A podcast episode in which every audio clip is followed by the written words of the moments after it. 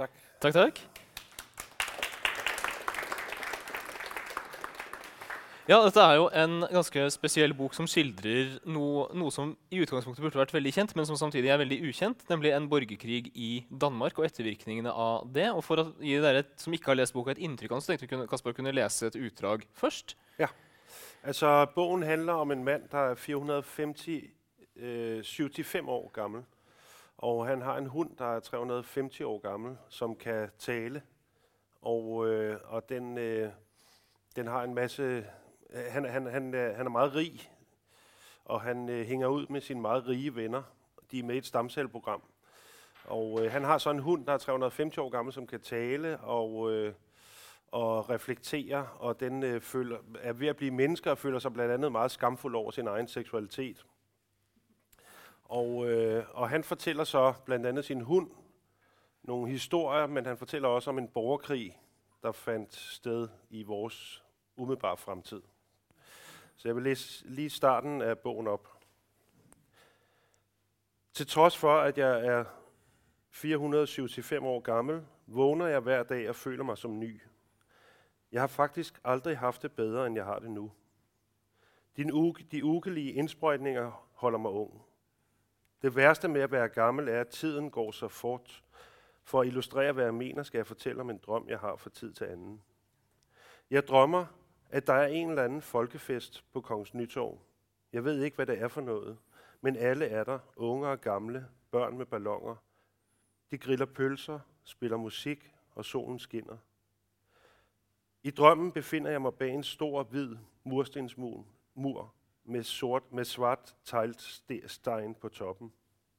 Mig bekendt findes ikke muren i virkeligheden, men i drømmen er den for høj til, at jeg kan klatre over den. Jeg klatrer så vidt at få hovedet over og stjæle et glemt af festlighederne. Jeg går i en labyrint af trange smuk, smuk mellem gamle huse for at finde vejen til festen, som jeg hører hele tiden. Da jeg endelig finder en smug, som leder ud til torget, begynder tiden pludselig at gå rask. År passerer som sekunder. Først forsvinder de gamle og hundene, så forældrene og derefter barne. Til slut er der ingen igen. Da jeg ankommer, er torket fuldstændig øde, og der er helt stille. Sommerluften er fyldt med hvide hår, som er faldet af de døde. Jeg løber rundt og leder efter nogen, som kanskje, kanskje gemmer sig, men der er ingen mennesker nogen steder, for tiden har taget dem, og tiden glemmer ingen. Så vågner jeg. Takk. Som eh, dere kan høre, så er det to forskjellige framtidsvisjoner i denne boken. En som, et som foregår i nær framtid, et som foregår, i den fjerne. Og jeg tenkte vi skulle begynne med å snakke om det som foregår i nær framtid. Mhm. Eh, den borgerkrigen du skildrer i boken din, skulle jo, hvis boken hadde vært sann, ha begynt for noen måneder siden. Ja. Så den boken ble vel skrevet i 2013 og kom ut i 2014, hvis jeg Ja, ikke tar feil. ja. Og en av de tingene som, er, som var, er, var mest oppsiktsvekkende med boken da den kom, var jo at det var en skildret en borgerkrig i Danmark. Mm. For de fleste land i verden så framsto Danmark som et av kroneksemplene på et stabilt og velfungerende samfunn. I så stor grad at statsviteren Francis Fukuyama skriver i sin siste bok at alle lands mål er 'getting to Denmark', altså bli land som Danmark. Likevel så skildrer du en borgerkrig der. Hvordan kom du på den ideen, og hva, er det, hva var det du den gangen da du skrev denne boken tenkte at ville utløse en borgerkrig i Danmark? Man kan sige, der var to, der var to forskellige øh, kan man sige, sådan analyser, der gjorde mig interesseret i det tema. Det ene var, at, at jeg er uddannet kan mærker fra øh, Copenhagen Business School, og øh, da jeg blev færdig, så arbejdede jeg fem år i, på et forsikringsbolag, der hedder Kodan, et stort forsikringsbolag. Og øh, jeg arbejdede to år i, som i øh, forskningsafdelingen, og så, øh, og så en dag så skulle jeg skrive en tale til en administrerende direktør, og så blev han utrolig glad for den tale, og så kom jeg til at arbejde i strategiafdelingen, og der sad jeg så i tre år. Og, øh, og i øh, min chef dengang, han havde 20 millioner kroner om året til konsulenter. Så vi havde hele tiden kon- øh, McKinsey og Deloitte-konsulenter i vores afdeling. Øh, og øh, omkring 2004, 2005, der begyndte alle at snakke om en krise, der ville komme om lidt. Og, øh, og vi skulle alle sammen sidde og prøve at lave analyser af, hvad det var for en krise, der ville komme om lidt. Og, øh, og der forstod intet om det i pressen. Der, ingen skrev om det i aviserne. Når jeg, når jeg så nyheder om aftenen, så øh, var der en talsmand for Danske Bank, der sagde, at alting går godt, og, og så videre. Men jeg var helt sikker på, at de, har, de havde fem gange så mange mennesker, der sad og prøvede at, at analysere, hvad det var for en krise, der ville komme lige om lidt. Og, øh, og så efter finanskrisen, så tænkte jeg, at det er interessant, at vi har så stort et kompleks i vores samfund, som er hele den finansielle sektor, som er... Øh, som, er, øh, som ikke er inden for demokratisk kontrol. Altså vi, vi, som, hvor vi, vi diskuterer ikke, hvad der foregår inde i den. Det, det er vi så begyndt på rigtig meget sidenhen. Men dengang var der ingen historie om, hvad der foregik i den private, øh, i den finansielle sektor. Og øh, selvom der blev truffet beslutninger, som, har, som havde utrolig store konsekvenser for vores allesammens øh, private økonomi, for eksempel sådan noget som afdragsfri lån, har kæmpe stor betydning for, hvordan boligpriserne har udviklet sig. Øh, hvis, hvis hvis bare 5% af befolkningen tager afdragsfri lån, så betyder det, at boligpriserne stiger. Det tvinger andre til også at tage afdragsfri lån. I øjeblikket er det 40 procent, der har afdragsfri lån i, i, i Danmark, og det vokser, fordi det tvinger alle til at tage afdragsfri lån. Sådan en beslutning er en beslutning, som ikke engang nødvendigvis er blevet truffet på direktionsniveau. Det kan sagtens være noget, som en har fundet på, på en mellemleder har fundet på i den finansielle sektor. Og øh, det synes jeg var interessant, at vi har så stort et kompleks i vores ellers gennemdemokratiske samfund, som vi, hvor vi ikke diskuterer tingene. Øh, det var den ene ting. Den anden ting var, at, øh, at, at som jeg ser det, så, har der, så er vi i en historisk brydningstid i øjeblikket, fordi at Vesten har været øh, totalt dominerende i verden i, i måske 2.000 år, øh, mere eller mindre i perioder. Men, og, vi, og vi er vant til at tale om Europas historie som en verdenshistorie. Øhm, men, i øje, men, men i nyere tid, inden for de sidste 20 år, der er sket det, at, at, at vi er gået fra at være fuldstændig suveræne verdensherskere på den her klode. Fuldstændig, vi har 80 procent af den internationale samhandel øh, blev foretaget i vestlige lande for 30 år siden. Øh, men nu er, er magtbalancen skiftet til Asien, øh, eller skiftet over mod Asien i hvert fald. Eller Asien er i hvert fald lige så stærkt på mange måder som, som Vesten. De har større produktionsapparater, lige så meget kapital. Og, øh, og det er en kæmpe stor forandring for Vesten. Øhm, og, og, og meget mystisk er det ikke noget, vi diskuterer særlig meget. Men det er jo en kæmpe stor forandring at, at føre til, tror jeg, en, en total revision af både vores værdier men også hvordan vi ser os selv i Europa, og hvordan vi Europa skal være, øh, findes i forhold til resten af verden. Og, øh, og den her præmissen i bogen her er så, at, at, at øh, boligmarkedet crasher. Der kommer en, en at finanskrisen udløser en økonomisk krise, som bliver, kan man sige, forstærket af, at, øh, at vi ikke længere er, at vi mister vores pri- nogle privilegier, vi mister nogle penge, fordi at vi bliver udkonkurreret af, af Asien på nogle områder. Og, øh, og spørgsmålet, jeg stiller i bogen, er så, er vi så stadig, er vi stadig humanister, hvis vi mister vores privilegier, eller er vores humanisme en funktion af øh, en utrolig rigdom, vi har levet med i, i virkeligheden mange, mange hundrede år, og en, og en konstant fremgang i Europa? Og, altså, du snakker om uh, Kinas framvekst og hvordan verdenssystemet endrer seg nå like før du skildret det som innholdet i boken. Mm. Uh, tenker at Det er viktig for litteraturen å skildre den typen krisesituasjoner og potensielle krisesituasjoner i den situasjonen vi er i i dag? Mm, yeah. Eller det var det bare mer en inspirasjon til at du skriver som du gjør? Mm. Jeg tror, at øh, jeg, jeg, jeg, føler mig ikke, jeg føler mig ikke ansvarlig som forfatter til at, at skrive nogle bestemte ting, men, men jeg, jeg, synes, jeg synes bare, det er spændende. Jeg, altså, mm. jeg synes, politik i øjeblikket er spændende, fordi der, vi lever, som jeg ser det, det kan vi måske diskutere senere, det kan være, at folk har noget at sige til det, mm. men jeg oplever det som om, at vi lever i en brydningstid i øjeblikket. Der, der er ting, som er, er, der er nogle grundlæggende ting, som er under forandring i vores samfund, mm. og som... Øh, aldrig bliver det samme, tror jeg. Og, øh, og, og derfor er politik blevet interessant. Øh, mm. vi, altså, jeg, jeg kan huske, jeg, jeg boede i Afrika fra 95 til 96, og, øh, og det var før internettet, der rigtig var internet. Og jeg kan huske, jeg læste en dansk avis for første gang, da jeg fløj hjem efter at have været halvandet år i Afrika. Og så var der en, en perfid diskussion af, om man skulle afskaffe den kvarte mælk i folkeskolen. Og så kan jeg bare huske, at jeg tænkte, når ja, så er man hjemme i Danmark. Men, mm. men, men det er som om, at de politiske problemstillinger i dag er blevet meget store og meget øh, og væsentlige på en helt anden mm. måde. Der er kommet en helt anden væsentlighed, synes jeg, i, i, øh, i det politiske. Altså, det, det, det er som om, at det politiske system er i gang med at, at pille ved nogle meget grundlæggende ting i vores samfund. Mm.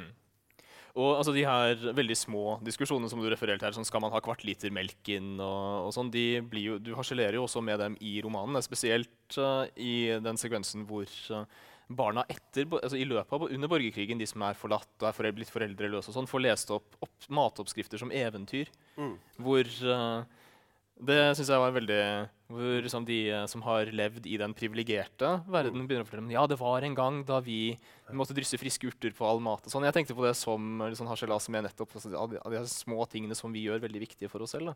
Ja, ja. Og kanskje også en måte å illustrere den privilegerte posisjonen vi lever i i dag. Ja, precis. Ja, men fordi at, at det, det, det, der er det, der er det fantastiske eventyragtige ved de der madopskrifter, det er, fordi de, de er meget fattige, og, og de, det er alt det, som de der madopskrifter implicerer. Altså det hele det liv. Du kan drømme om alle mulige mm. aspekter af det liv, som, bliver, som impliceres i, i de her madopskrifter. Men du, dette er jo ikke den eneste krisen du har uh, skildret. Jeg snakker litt sånn overordnet om forfatterskapet ditt nå. Uh, og for den nyeste boken din, 'Det danske forår', handler om en annen krise som er utløst av innvandring. Den har jeg ikke lest selv. Men det virker som om, eh, altså den første romanen din handlet om et fjell som vokste opp utenfor, plutselig framtrådde utenfor København. Mens de to siste handlet om større og dypere kriser. Og har det vært en utvikling i forfatterskapet ditt? der? Altså Du har valgt å skrive om denne typen krisesituasjoner? Um, ja, ja, men det, altså, det har det jo vært. Men, men, men det er så altså, det er, øh, altså, jeg ved ikke, hvor meget. Jeg, ved ikke, jeg kan ikke huske, hvor planlagt Nei, den oppsto Det er vel sånn med kreativt arbeid at det oppstår bare litt? Ja, jeg, jeg, jeg kan huske noen ting. Det, jeg jeg syns det er svært å huske hva, man, hva mm. det egentlig var man tenkte på forhånd. Ja. Men, øh, men, så det blir sånne noen efterrasjonaliseringer. Ikke sant? Men, øh, men den nye bok den heter øh, 'Det europæiske forår', det europæiske og, øh, og den handler om hvad kan man sige, den handler om, om nogle af de forandringer, jeg mener finder sted i øjeblikket. Den handler om, at vores, at jeg mener, at øh, der er nogle helt grundlæggende idéer, som har været ligget under vores moderne samfund i 250 år siden oplysningstiden, som bliver problematiseret nu for første gang, som egentlig har været nogle stabile idéer, som har som vores moderne samfund er baseret på. Blandt andet vores øh, menneskesyn, altså vores humanisme, som lige pludselig, det er blevet normalt i dag, i hvert fald i Danmark, at politikere taler om, at vi måske skal træde ud af flygtningekonventionen, og måske også menneskerettighedserklæringen. Og, øh, og så kan man sige, at det er nogle røvhuller eller nogle fascister, men der er også nogle meget gode grunde til, at man kunne gøre det. Eller man, man, vi lever i en tid, som naturligt vil komme til at problematisere nogle af de her ting. Så, øh, så er vi ikke længere så optimist, optimistiske, hvad angår videnskab og teknologi, som vi har været. Øh, blandt andet fordi, at vores teknologi er ved at smadre planeten. Øh, men der er i hvert fald også lige så mange skrækforestillinger og dystopiforestillinger om teknologi mm. i dag, som der er fremskridtsforestillinger. Øh, plus at, at øh, jeg læste et interview med den tyske filosof Peter Sloterdijk her for nylig. Han sagde, at i det 20. århundrede, der var vi befolkningerne, vi var de progressive i samfundet. Det var os, der lavede samfundet om gennem kampe på arbejdsmarkedet, gennem politiske kampe. Men i dag, der er de progressive kræfter i samfundet i dag, det er teknologiudvikling og kapitalforvaltning. Mm. Og, øh, og det er på en måde rigtigt. Og, øh, og, og, det, og det vil så også sige, altså, så teknologien har også allerede vundet. Teknologien har allerede, øh, har allerede, spiller allerede en større rolle end os i forhold til at om, øh, omforme samfundet. Mm. Øhm, og der er, ikke nogen, der er ikke noget politisk program bag. Der er ikke mm. nogen plan. Altså, og der er ingen, der ved, hvad implikationerne er. Der er ikke nogen, der ved, hvad implikationerne er af en, en smartphone. Apple ved det ikke, øh, Facebook ved det ikke, Google ved det ikke, ingen ved det. Det er bare mm. en teknologi, der bliver introduceret, og så forandrer det alting. Og, og, og der er ikke nogen plan. Der, det er bare ting, der er smarte, mm. som fungerer, og som har nogle implikationer, som ingen forstår. Og øh, før det er, kan man sige, sket, og, og så er der allerede kommet noget ny teknologi, som er i gang med at forandre, som vi så igen ikke forstår. Så Peter Sloterdijk siger, at, at vi er gået fra befolkningerne, vi er gået fra at være progressive til at være overvægtige og dumme. og vi sidder ligesom på bagsædet af en bil, der kører, og prøver at forstå, hvad der er, der foregår, og prøver at adaptere mm. til den her nye situation, som vi hele tiden er bagefter. Øhm, og, øh, og så, så mener jeg også, at øh, en anden ting, der bliver problematiseret i dag, eller som er under forandring i dag, det er vores kunstsyn. Altså øh, kunst som, som noget sublimt, noget ekstra sandt, eller noget dybt, øh, ekstra dybt. Eller, altså hele, hele, hele den moderne kunstopfattelse fra det moderne, altså moderne gennembrud, hvor... Øh, eller kan man sige, før det moderne gennembrud, der, var, der havde man en, en romantisk forestilling om kunstneren som en, der var inspireret af Gud, hvilket gav både kunstneren og kunstværkerne en enorm autoritet. Efter det moderne gennembrud, der bliver kunstneren sådan en, øh, en Van Gogh-agtig type, en psykisk syg eller en misbruger, som har en eller anden form, via sin sygdom har en, en privilegeret adgang til nogle øh, ubevidste psykiske lag, som han så ligesom kan udfolde på et maleri. Og kommunikationen mellem beskueren og værket er så en form for ubevidst kommunikation, hvor man oplever en eller anden form for dybere sandhed. Og jeg mener bare, begge de her to konstruktioner er der ikke nogen, der tror på længere. Altså det er jo det, øh, så der, jeg mener slet ikke, der er noget autoritativt sted, hvorfra man kan tale som kunstner i dag. Mm. Og øh, ja, altså, altså og øh, Ja, altså, og, og de her ting, de er under forandring, og det var, det var sådan nogle centrale idéer i, i oplysningstiden, og de er under forandring nu, og, og derfor har vi fornemmelsen af, tror jeg, at alting ryster. Altså man har mm. fornemmelsen af, at alting ryster, alting er ustabilt, fordi fundamentet vakler under vores... Hele ideen, hele de bærende idéerne med vores samfund vakler i øjeblikket. Det er veldig interessant det du sier om, om kunstnerens uh, autoritet, eller tap av autoritet. For det er noe som ofte, sånn som jeg oppfatter det, så omtaler du det med nøytrale ordelag. Altså dette er en utviklingstendens. Men mange ganger når jeg hører kunstnere snakke om sånn, så er det mer sånn at kunsten blir mer demokratisk, den blir tilgjengelig for flere, og kunstneren står litt likere med sitt publikum og sånn. Um, øhm, det er jo mer sånn normativ vurdering av den utviklingen. Ser du annerledes på det? Ja, fordi jeg ser det som sånn en, det er sånn, liksom sånn en supernova Altså, den borgerlige offentlighed er blevet en kulturel offentlighed. Der er, der er ikke nogen, der ved, hvad den kinesiske præsident hedder, men alle ved, hvem Brad Pitt har været gift med. og, øh, og, øh, men kernen er kold. Altså, kernen er kold, ligesom en stjerne, der er eksploderet. Den udvider sig. Mm. Men kernen er kold. Der er ikke nogen, der tror på kunsten længere som noget, vi som samfund skal stræbe efter, som et form for utopia, vi skal stræbe efter som samfund, eller noget sublimt, man ligesom kan stræbe efter på et, på et personligt plan. Øhm, det er bare det er kultur det hele. Altså kulturtilbud, mm. kan man sige, er større eller mindre, bedre eller dårligere, øh, mere, eller mere eller mindre interessant. Det er ikke det, jeg mener ikke, at man ikke kan lave kunst, eller man ikke kan skrive bøger. Jeg mener bare hele ideen om kunst som det altså, ekstra sande, eller noget sublimt, at, at den er død. Mm. Ja, for, for, 25, eller kanskje til og med, eller i hvert fall 50 år siden, altså forskjellen på en som var kunstner, billedkunstner, og en som hadde en uh, Snapchat-kanal hvor de sendte ut små videoer hele tiden, ville vært åpenbar. Men den er kanskje ikke like åpenbar for folk i dag. Hvis det Jeg forstår det ikke helt. Nei. Nei. Det, ja, det er sånn Nei, altså, i... Uh, man har jo veldig mange forskjellige kulturpersonligheter i dag. Noen av dem har sin egen Snapchat-konto hvor de sender, spyr ut videoer. Mm. Mens en, noen lager kunst som dette, og i liksom, gjennomsnittspersonens øye så er de kanskje ikke så veldig forskjellige. I hvert fall ikke sammenlignet med hvor forskjellige de ville vært i 1950. Altså Da fantes ikke Snapchat, men nei, nei. kontrafaktisk. Ja, jeg forstår ikke helt jeg, Unnskyld. Nei, det var bare vi, eh, vi, kan gå videre i, ja, ja. isteden. Det, det var ikke så viktig. Så vi kan gå tilbake til boken din isteden. For uh, som du sa i stad, så mye av romanen handler om å skildre hva som skjer med mennesket når privilegiene deres forsvinner. Mm. Og du skildrer jo en spesielt privilegert del av verden. Det eneste jeg kan se er mer privilegert enn Danmark i boken din, er Norge, som tydeligvis utkonkurrerer Danmark på alle plan underveis. Um, så, men du, sånn som jeg forstår det, så er det sånn at når privilegiene forsvinner, så øker i hvert fall sjansen for at mer sånn prim primale tendenser til voldsbruk og jakt og sånn kommer til overflaten igjen. Det skildrer du jo ganske tydelig i boken. Kan du si litt om hvordan du tenker eh, om forholdet liksom, mellom sivilisasjonen og samfunnet og menneskets natur eller tilbøyelighet til aggresjon? Ja, altså den, den, handler jo også om at, øh, at, at denne her gamle mand, som er meget rig, han, øh, han, han, han føler, at hans liv er meningsløst. Og øh, og øh, han, han, har, han, har, han har adgang til alle mulige fantastiske oplevelser, fantastisk mad og sexorgier og alt muligt, men, men det er ligegyldigt det hele. Og, øh, men han har sådan en hund, som meget gerne vil være menneske. Og, øh, og jeg, jeg prøver så øh, altså ligesom at skildre, hvordan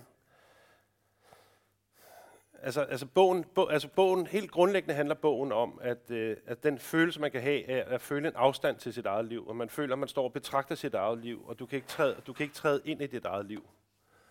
Og, øh, og, og man længes hele tiden efter at træde ind i sit eget liv, men, men, men, men det er svært, og man, man kan kun gøre det nogle gange. Og, øh, så den handler også om forskellige strategier til at, at træde ind i sit eget liv. Altså både, både det, at vi længes efter det hele tiden, men også forskellige forsøg på at gøre det. Måske gennem ved at have sex, eller øh, man kan måske opleve det, hvis man er forelsket, eller øh, hvis man øh, er dygtig, til, øh, dygtig musiker, når man spiller musik, kan man måske opleve det.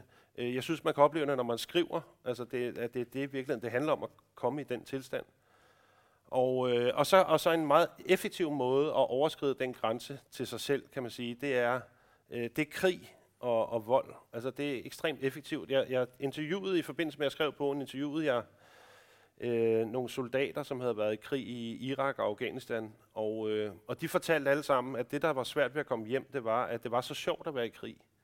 Mm. Altså, øh, at de følte, at de var i live for første gang nogensinde.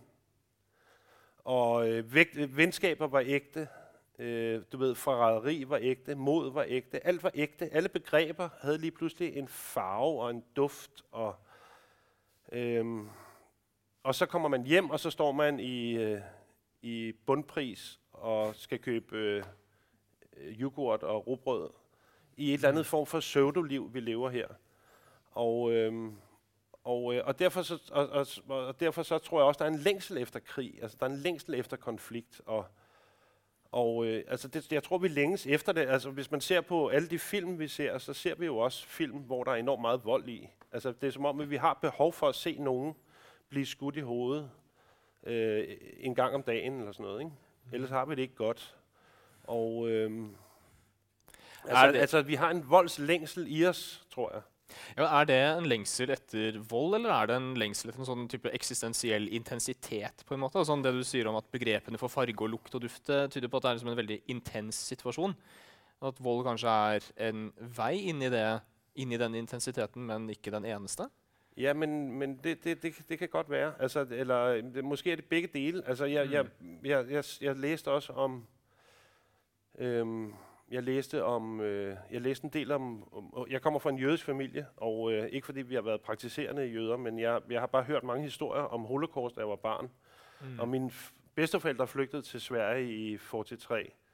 Og, øh, og øh, jeg, læ, jeg, læ, jeg læste nogle skildringer fra Auschwitz, øh, blandet læste jeg om nogle, øh, om nogle af de kvinder, der var udstationeret i, i Auschwitz.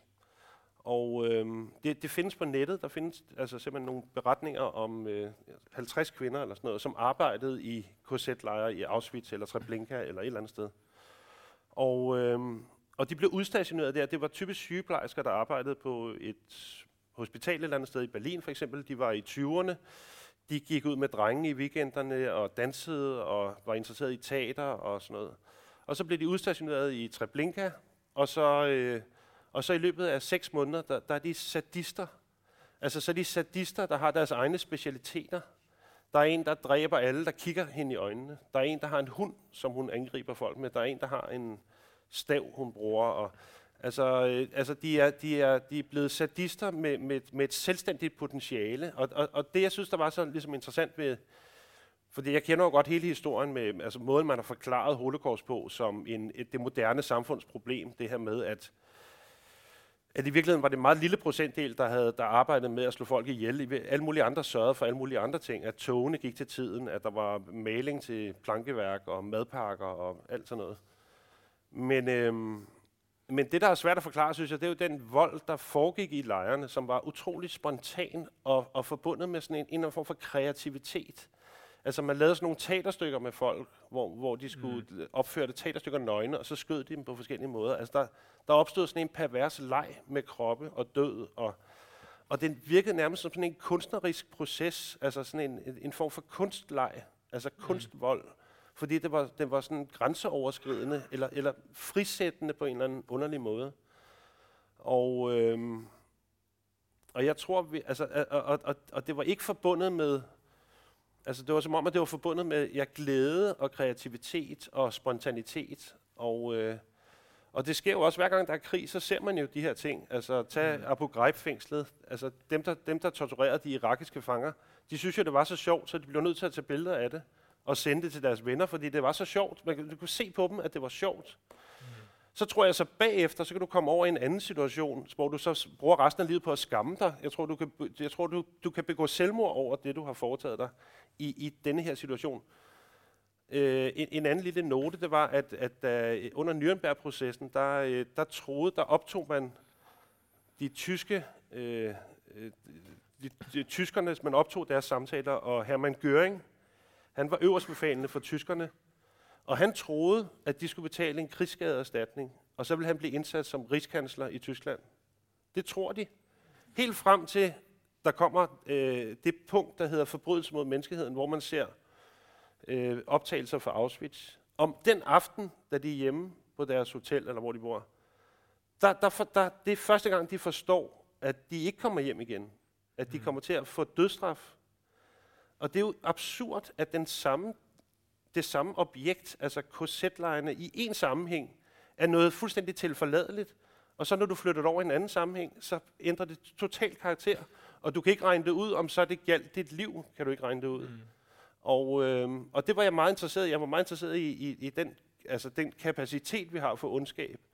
Og, øh, og, og hvad, er det, hvad er det egentlig, der gør, hvad er det egentlig, der åbner for den ondskab? Altså, hvad er det for nogle, hvad er det for, hvad er det for et rum, der åbner for den ondskab? Mm. Hvor jeg er meget interesseret. Jeg overvejer faktisk at skrive en PhD om det bagefter, men så, så tænker jeg, at det var for deprimerende. Men, men det er egentlig meget interessant, synes jeg. Jeg synes, det var enormt interessant at tænke over, hvad er det for nogle... Øh, hvad er det, hvad er det, hvad, hvad er det der konstituerer? Hvad er det, hvad, hvilke kvaliteter skal det rum indeholde, mm. for at det åbner for den ondskab, som vi alle sammen besidder? Altså, altså, altså det er jo lektien for holocaust, det var, at, at vi jo alle sammen bødlerne, det, vi kunne alle sammen have gjort det. Mm. Øh, hvad, er det hvad er det, der åbner for den der, det der øh, vanvid eller ondskab?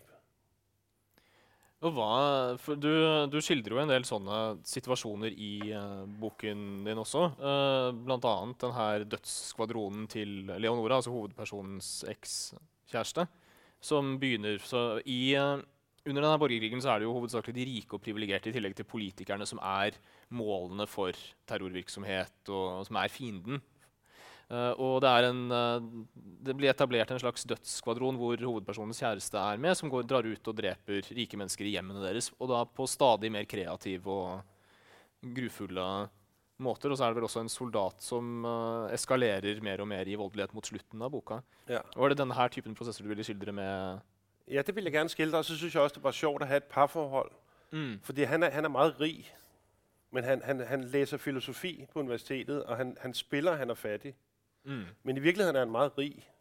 Og han tør ikke at sige det til hende, fordi hun er sindssygt voldelig. Så han, han er bange for, at hun vil slå, slå ham ihjel. Og han, han smører ligesom madpakke til hende, når hun skal ud og slå nogle rige ihjel. Og, og han, er, han, er sådan en, øh, han, er, han har en mere feminin rolle i mm. forholdet. Mm. Og hun tager sig ud om natten og slagter rige. Men de har det egentlig ret godt, men, men, men han, bliver, altså, han bliver mere og mere nervøs over at skulle... Uh, han bliver nødt til at sige det til hende på et eller andet tidspunkt, føler han. Men, han, men jo mere voldelig hun bliver, jo, jo, jo mere er han sikker på, at han er bange for, at hun bliver slået ihjel, hvis han siger det. Mm. Så det synes jeg var sjovt at have sådan et parforhold der. Som og Det er jo en, eh, en litt komisk uh, greie også. At, og også det at, det, det at, han forsvinner ut Han er jo selv aktiv i, uh, i krigen. Mm. Og er selv ganske voldelig. Og ikke, Jamen, på, det, er, ikke på det nivået som Han arbeider på et børnehjem. Ikke? Han, ja. han, han, vil, han vil mer gerne hjelpe sånn. Ikke? Mm. Men han har også noen minner om at han skjøt med bazooka og, og sånt. Ja, ja, han, har, han, har, ja, han har gjort noen ting, men, men han, mm. han, uh, han, er litt splittet. Litt mer ja. splittet enn henne. Det er interessant at det som får ham til å trekke seg ut, er uh, at han blir litt for redd for at kjæresten hans skal ta livet av ham fordi han er rik. Ja. Det, og altså, en annen ting, du, du, Når du snakket om altså, Göring og Abu Ghraib-fengsel og sånn i stad, at de i etterkant, altså når situasjonen er over Det tror jeg ikke gjelder for Göring, kanskje, men i hvert fall for Abu Ghraib-soldatene. at når det var over, så skammet de seg. Ja, ja, ja. En fascinerende ting med hovedpersonen i din bok er at han skammer seg ikke. I hvert fall får jeg ikke inntrykk av at han skammer seg. Han ser tilbake på krigen med mer nostalgi. Ja. Ja, altså ja, det er rigtigt. Altså, men han, han, ser tilbage på det som den lykkeligste tid i sit liv, mm. hvor, øh, hvor han følte sig i live, og han var forelsket, og, og altså, det var vidunderligt det hele. Ikke? Og, mm, ja, ja. ja. det, det, det, han kunne godt have været skamfuld. Det havde været en meget god pointe. Det har jeg ikke tænkt over. Det, det kunne godt være, at han skulle have været det. Ja, det slo meg at altså, han er jo, Din hovedperson er jo veldig veldig gammel. Ja. Ikke sant? Han lever av et stamcelleprogram i 475 år, hvis jeg husker ja. riktig. Og jeg vet ikke om du kjenner til det, er en filosof som heter Bernard Williams, som en gang skrev en, eh, et essay som heter 'The Tedium of Immortality'. altså Udødelighetens kjedsomhet. Altså at det vil være så kjedelig å leve i prinsippet uendelig at til slutt så vil man bare ønske å dø. Ja. Men din hovedperson har jo funnet en slags løsning på dette, her, nemlig ved å se tilbake på fortiden. Ja, men, men, han, altså, men, han, er kanskje i ferd med å begynne å kjede seg litt, han også? Ja, han, er, det er interessante ting om... Han er begynt å kede seg, men jeg, men jeg tror også, at, uh, at hvis man tenker på uh, udødeligheden som en, en abstraktion, tror jeg er noe annet enn... Mm. Altså, altså hvis, hvis, du lever for evigt, så skal du, så skal du foretage et aktivt valg mm. om å dø. Og hvem gider å dø i dag? Altså, så vil man heller dø i morgen, måske. Mm. Eller, eller i neste uge, måske. Ja. Så, så, så man, man, skal jo så begå selvmord på, på et tidspunkt. Mm. Ikke? Og, um, så for den som er udødelig, altså det å dø blir litt som når vi skal bestemme oss for om vi skal gå til tannlegen eller ikke? Men jeg tror ikke, altså, jeg, jeg, ja, men jeg tror, man, man, man har ikke lyst til å dø, tror jeg, med mindre man, man, er, man er meget deprimeret. Vel? Mm. Og, øh, men men han, det er klart, at han, han har, altså, han, hans liv er meningsløst. Altså, og der sker også ligesom to tredjedel ind i bogen, der, der, der flytter, der krydser hunden og hovedpersonen, kan man sige, skifter de magtposition i forhold til hinanden. Der går det ligesom op for ham, at, at det er virkelig hunden, der har mm. ligesom fat i den lange ende. Med, øh, og han vil så gerne, altså, så længes han ligesom med efter at være en hund. Ja, det er da han uh, begynner å lete etter trøfler i skogen og sånt, er det ikke det? Ja, han laver sådan nogle ben, han kan løbe med, og ja. prøve at være en hund. Men er ikke så god til det. Apropos den hunden, Du har jo ganske mange skildringer av de her dyrene som er i ferd med å bli mer som mennesker i boken. Det er alt fra en uh, grisens venn som er i fengsel for uh, terrorisme, tror jeg. Mm.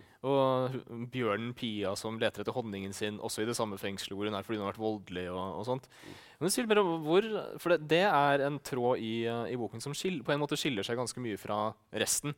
Den refererer ikke til borgerkrigen. Det er ikke noe tilbakeskuende minner. der. Sånn. Det er situasjoner med dyr som ligner på mennesker. Hvor, uh, hvor kom det fra? Hva var det? Eh, det var fordi jeg leste Peter Plys, og så, øh, og så, øh, og så gikk ah, det opp for meg at alle i Peter Plys har en psykisk lidelse. Som er, altså, du kan diagnostisere alle i Peter Plys. Mm. Altså, øh, æsel har en depresjon. Mm. Og øh, øh, grisling har angst. Mm. Og øh, Ninka er ADHD. Nej, nej, har OCD. Og tigerdyret har ADHD. Mm. Og Peter Plys er misbruger. Ja. Og, øh, og, og det synes jeg bare var sjovt. Altså, og, og, øh, og så... Øh, jamen, altså, det var bare fordi, at, at, at der opstod sådan nogle historier, fordi at jeg forestiller mig, altså alle de der, alle de rige mennesker, der har de her dyr, som er blevet intelligente, så er der så en institution for intelligente, psykisk syge, farlige dyr. En slags, øh, du ved, en, en forvaring, sikringsanstalt for farlige mm. dyr. Og der er blandt andet en, en bjørn, der hedder Pia, som har gjort noget forfærdeligt. En, en utrolig sød bjørn, der hedder Pia, men hun har gjort et eller andet forfærdeligt på et tidspunkt. Og, øh, og så en gris, der hedder Svend. Og, og der, der er så sådan en lille krimi der. Øhm, men ja, jeg synes bare, det var sjovt, altså. Ja. Og, øh, altså, Ja, og så, og, så, og så det der med selvfølgelig, at, at så bliver dyrene jo, bliver jo lige pludselig ansvarlige, ligesom mennesker. Ikke? De, bliver, mm. de bliver lige pludselig moralske væsener. De skal tage stilling til, til deres handlinger på en anden måde. De er ikke bare, ligesom at hunden har problemer med sin seksualitet, og som den, den bliver frastødt over sin egen seksualitet lige pludselig.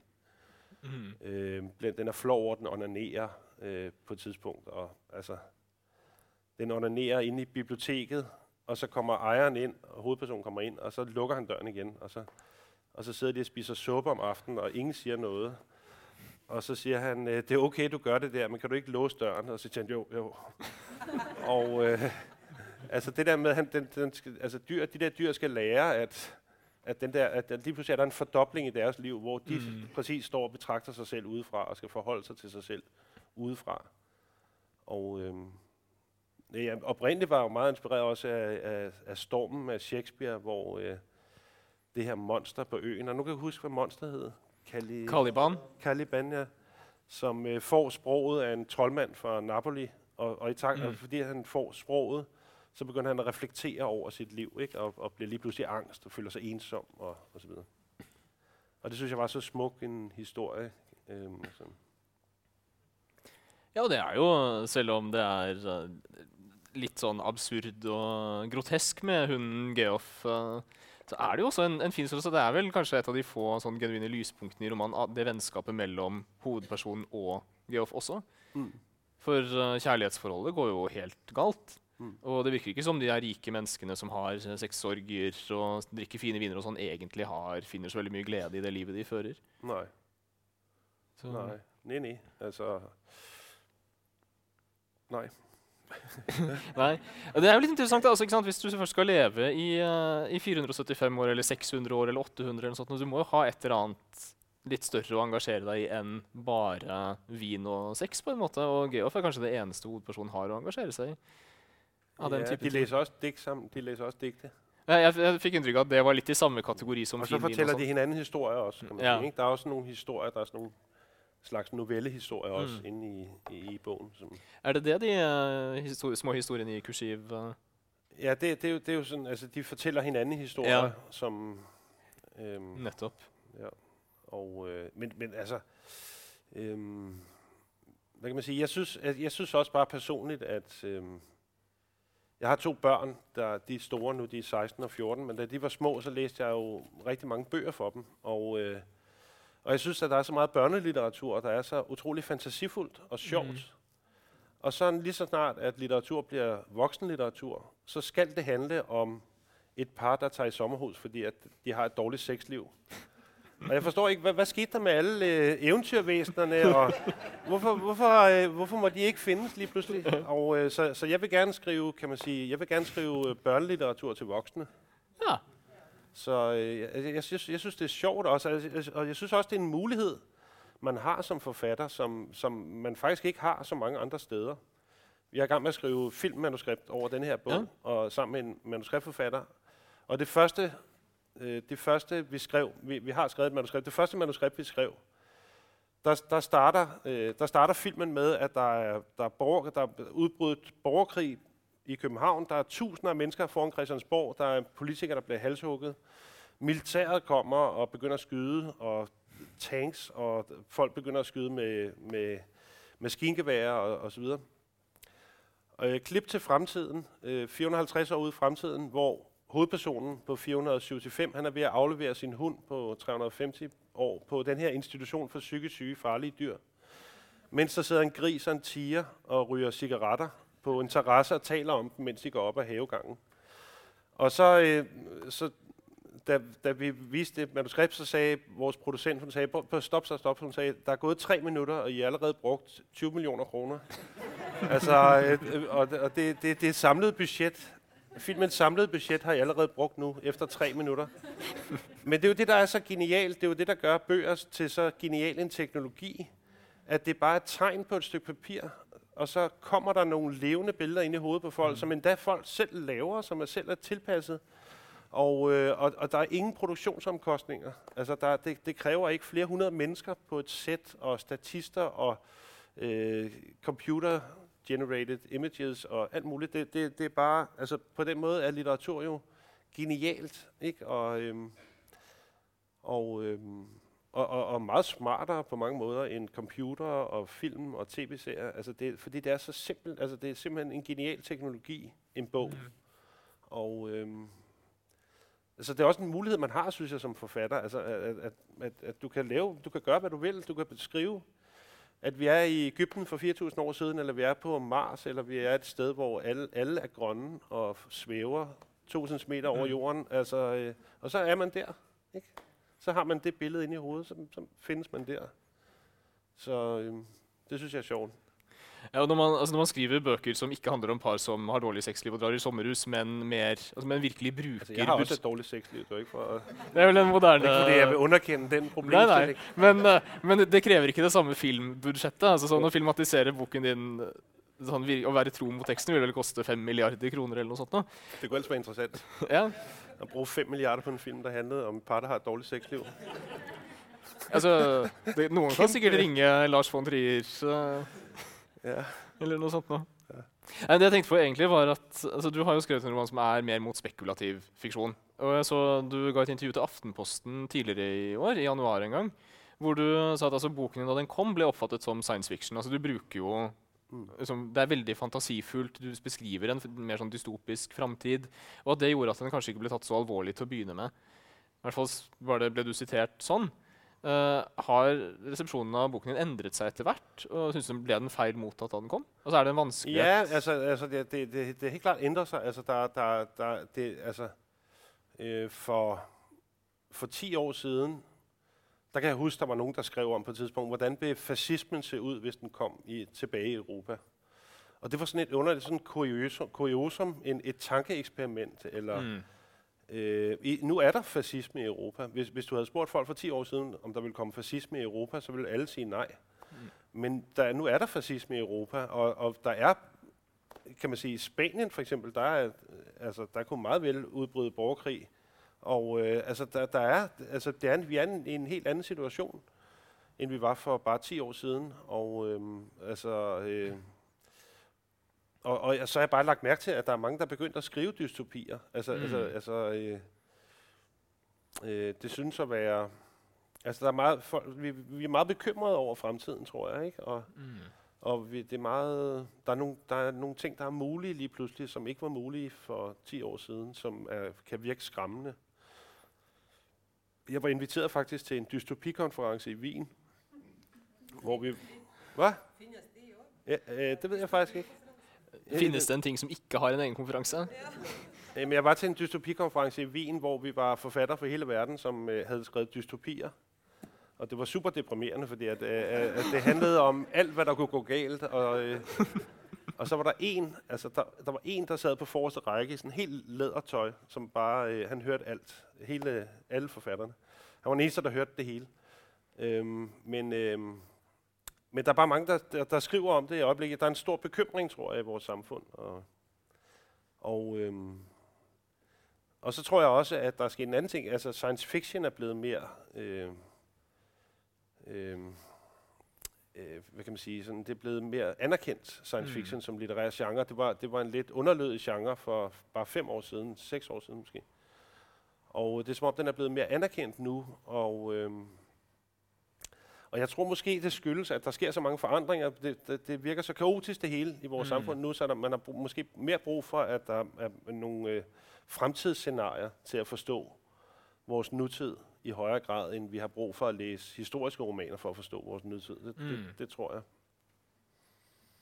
Øh, altså, jeg, jeg, jeg, øh, det, det, er jo ikke, det handler jo ikke om at forudse fremtiden, synes jeg. Det handler om i virkeligheden at bare at, at, at overdrive nogle tendenser, og så se, Mm. hvordan det udvikler sig. Ikke?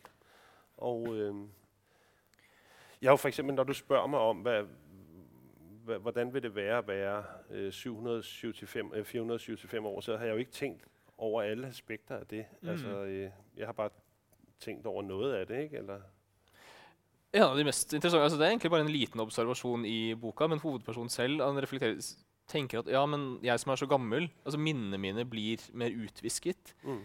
Ikke sant? At når uh, Han har jo ikke, så vidt jeg kan se, altså det er ikke sånn at han har forbedret intelligensen sin i veldig stor grad. Nej. Sånn at all den informasjonen han har fått inn i, uh, bak pannebrasken i løpet av de mange hundre årene, den uh, blir ikke lagret like godt lenger. Nej, nej. Og, Jeg synes, så, det var og, og, og, øh, og hele, hele, den der, hele den der livscyklus med, at man ligesom er ung, og så er man voksen, og så er man gammel, og undervejs har man måske fået nogle børn og blevet forældre og til nogle børn og sådan noget. He- Hele den der, det, det er bare et lille, en lille bitte del af et liv, som han slet ikke kan huske længere. Altså, som, har ikke noget særligt forhold til sine børn overhovedet. Øhm, jeg oplever dem ikke som noget, der er forskelligt for ham. Eller, eller han, har, han, han har ikke en specielt nær relation til dem overhovedet. Mm. Og det er jo sånn at altså når, uh, Jeg har ikke barn selv, men liksom når man får barn her i, på den måten vi lever på, altså det livsløpet vi har, så er man jo alltid mye eldre enn sine barn. altså betydelig, Man er i andre livsfaser. Ja, og sånn, og det han sier jo det at når barna ble gamle nok, så ble de som ham. Det var ikke noen forskjell på hvilken livsfase de var i, og da ble det der foreldre-barn-forholdet visket ut. Mm, ja, præcis. Og, det, og så synes jeg også, det er interessant det her med, med jeg synes det bare det er interessant med, med den, altså nogle af de her livsforlængende teknologier, som jo kommer, altså mm. i, i, som er i gang med at blive udviklet. Altså det er helt vildt jo, at øhm, nå, men det, er jo helt, det er jo helt vildt, at, øhm, at mine børn, de øh, måske kommer til at leve i 200 år, eller mm. Og, og hvem ved, om, altså, om de så ikke virkelig kommer til at leve for evigt. Altså, det kan være, at vi er den sidste generation, der dør som dyr, ikke? Hvilket er vildt uheldigt, også, og, og virkelig usandsynligt også statistisk set. Ja. At være den sidste generation, ikke, der dør. Ja, og altså det stamcelleprogrammet du, du har i boka, altså bare den uka her så viste det seg jo at en kinesisk forsker antagelig har klippet opp i genene til et uh, foster i magen ikke sant? og endret eh, DNA der. Mm. Så da, da, rykker jo sånne, sånne forestillinger ganske mye tettere på da, altså, mm. i vår samtid. Ja, ja, altså, øh, ja, jeg, jeg, jeg synes, det er sjovt at læse om de der, øh, jeg, jeg synes, det er sjovt at læse nogle videnskabelige artikler om, om sådan nogle ting der, og øh, jeg læste en japansk forsker, der beskrev, øh, man, man er jo, er, har jo delvist udviklet sådan nogle mikrorobotter, som er mindre end bakterier, som kan mm. som du kan have en million af inde i dine blodbaner, og så kan de fise rundt og reparere dig hele tiden. Vi, vi dør næsten alle sammen med en, en eller anden form for lille betændelsestilstand, der vokser over årene og giver os kraft eller et eller andet, som vi så ender med at dø af. Men, men de, kan så, de kan så reparere de her ting. Mm. Og øh, så, så beskrev han bare, hvis, så hvis de finder noget, de skal bortskære, så kan man bare drikke noget mælk og spise noget spinat, så er der nok jern og kalk i blodet, til de kan bygge en kniv, og så kan de skære det væk, og så opløser den sig ligesom igen. Og, og så når de kan lave stamcellebehandling på individuelle celler, så mm. kan man ligesom jo i princippet jo, i princippet kan man jo så reparere kroppen hurtigere, end, øh, end den forgår. Mm. Og det, det, det vil der jo sandsynligvis være nogle rige, der får adgang til den teknologi om, om nogle år. Og det kommer jo til at betyde en meget, meget stor ny social forskel. Mm. Ja, for selv de som er uh, mest optimistiske rundt sånn teknologi, tenker at det ville være veldig bra hvis mennesker kunne leve mye lenger og være mye friskere, er jo nettopp bekymret for det der likhetsaspektet ved det. Altså, hvem er det som kommer til å få tilgang til sånn livsforlengende, livsforbedrende teknologi? Og i boken din så er det jo Afrika som leverer råstoffet til stamcelleprogrammet, mm. f.eks. Så jeg regner med at det, er, det også reflekterer som en type ulikhet som du Ja, ja, ekstrem ulighed, men som jo allerede findes til del til dag. Mm. Altså, øh, man sige, jeg, jeg boet i Afrika i, i en længere periode og arbejdet i slumkvarter dernede, og mm. altså, der dør folk jo, når de er 40 eller sådan noget. Ja. Og, og der er meget, altså store forskelle i Afrika. Ikke? Der, der, der, er, der er en, en, I alle lande, jeg har været i Afrika, der, der er fuldstændig moderne samfund. Øh, folk med smartphones og uddannelser og men så 50 km væk, der lever folk så, som, som vi levede for 5.000 år siden. Altså, der er en enorm stor social forskel i Afrika. Der er et mm. højteknologisk, højintensivt landbrug, og så er der øh, jernalderliv, ikke? Og øh, ja. Du nevnte jo den Afrikaturen i begynnelsen av tidligere, da vi snakket uh, også. Uh, når, når var det du dro dit? Jeg var der fra 95, 95 til 96. Eller 95 og 96, og... Øh, jeg skulle egentlig bare ned og besøge en dernede, og så, så havde jeg det så godt dernede, og så blev jeg dernede, var dernede mm. i, i lang tid. Men du gikk fra å ha det, altså du var bare på besøk der, og så endte du med å jobbe i, uh, i slummen? Ja. Hvordan, hvordan skjedde det? Hvordan det skete? Ja. Øh, øh, ja, det er et godt spørgsmål. Jeg, jeg, jeg kom bare derned, og så, øh, og så var jeg god. Jeg, har altid været god til at spille fodbold, og så, øh, så begyndte jeg at træne med sådan et fodboldhold, et første divisionshold dernede. Og så kom jeg på holdet, og så spillede jeg kampe, for vi var kun to hvide i ligaen. Mm. Og, øh, og jeg, altså, altså, det er ikke engang løgn. Jeg, jeg, den første kamp, jeg spillede, jeg kom om søndagen, og så spillede jeg kamp om onsdagen for 15.000 mennesker på stadion. Og jeg ryger altså 30 cigaretter om dagen, og, og det var øh, klokken 1 om formiddagen, og der var altså 35 grader eller sådan noget. Jeg, jeg, jeg spillede helt utroligt dårligt. og, øh, men så spillede jeg fodbold dernede, øh, og, øh, og så arbejdede jeg ude i det her slumkvarter på sådan en fotoskole på et IBIS-projekt, mm. og... Øh, og det, altså, jeg havde det bare simpelthen så, jeg, havde, jeg havde det utroligt dårligt i København på det tidspunkt i mit liv. Mm. Og øh, havde utrolig meget angst. Jeg kunne, jeg kunne næsten ingenting. Og så da jeg kom derned, så var det som om, at jeg, min angst forsvandt fuldstændig. Mm. Hva var det som gjorde det? Mm. Var det bare at livet var veldig annerledes, eller? Ja, ja, altså, Det er jeg så ved det ikke rigtigt. Altså, altså, jeg ved det sgu ikke rigtigt, hvad det var. Altså, det, det, der, det, der, der er helt klart... Øhm, altså, det virker fjollet at, at have angst, når man går rundt i et slumkvarter i Afrika.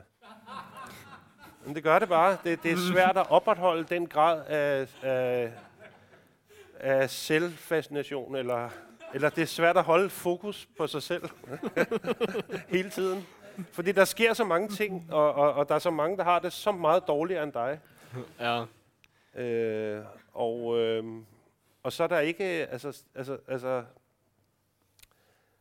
altså, der, er- altså, altså folk er, altså, nu skal jeg passe på, hvad jeg siger, men, men mit indtryk er, at folk, de, er ikke, de, er ikke, de, er ikke sådan, de bliver ikke traumatiseret på samme måde, som vi bliver. Altså, vi er virkelig, en, vi er virkelig præget af psykoanalysen, efter min mening, i, Mm. mm. i Vesten. Og, øhm, og, og der var bare, altså alle jeg kendte dernede, Namibia blev, var, en del af, var en, en del af Sydafrika frem til 89.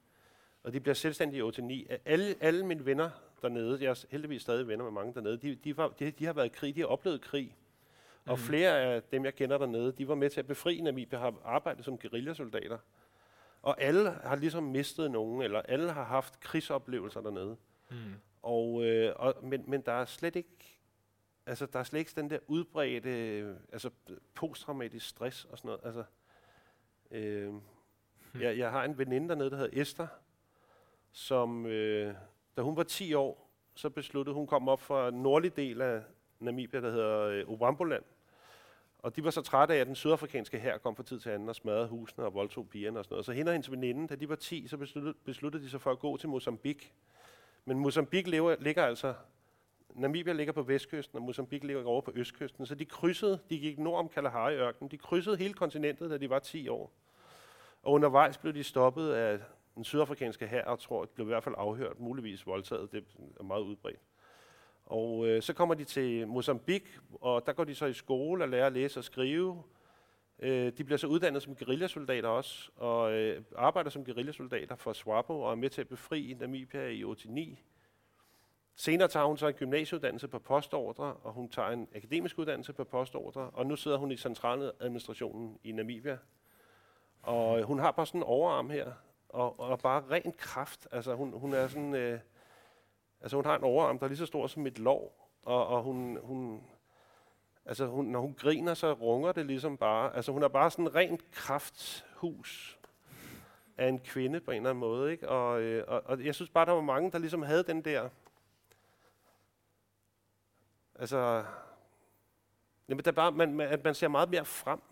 Der var også en, jeg har en veninde dernede, som, som skrev, da det var nytår på et tidspunkt, så skrev hun, måske i år 2007, så skrev hun, øh, øh, år 2007, fuck år 2006.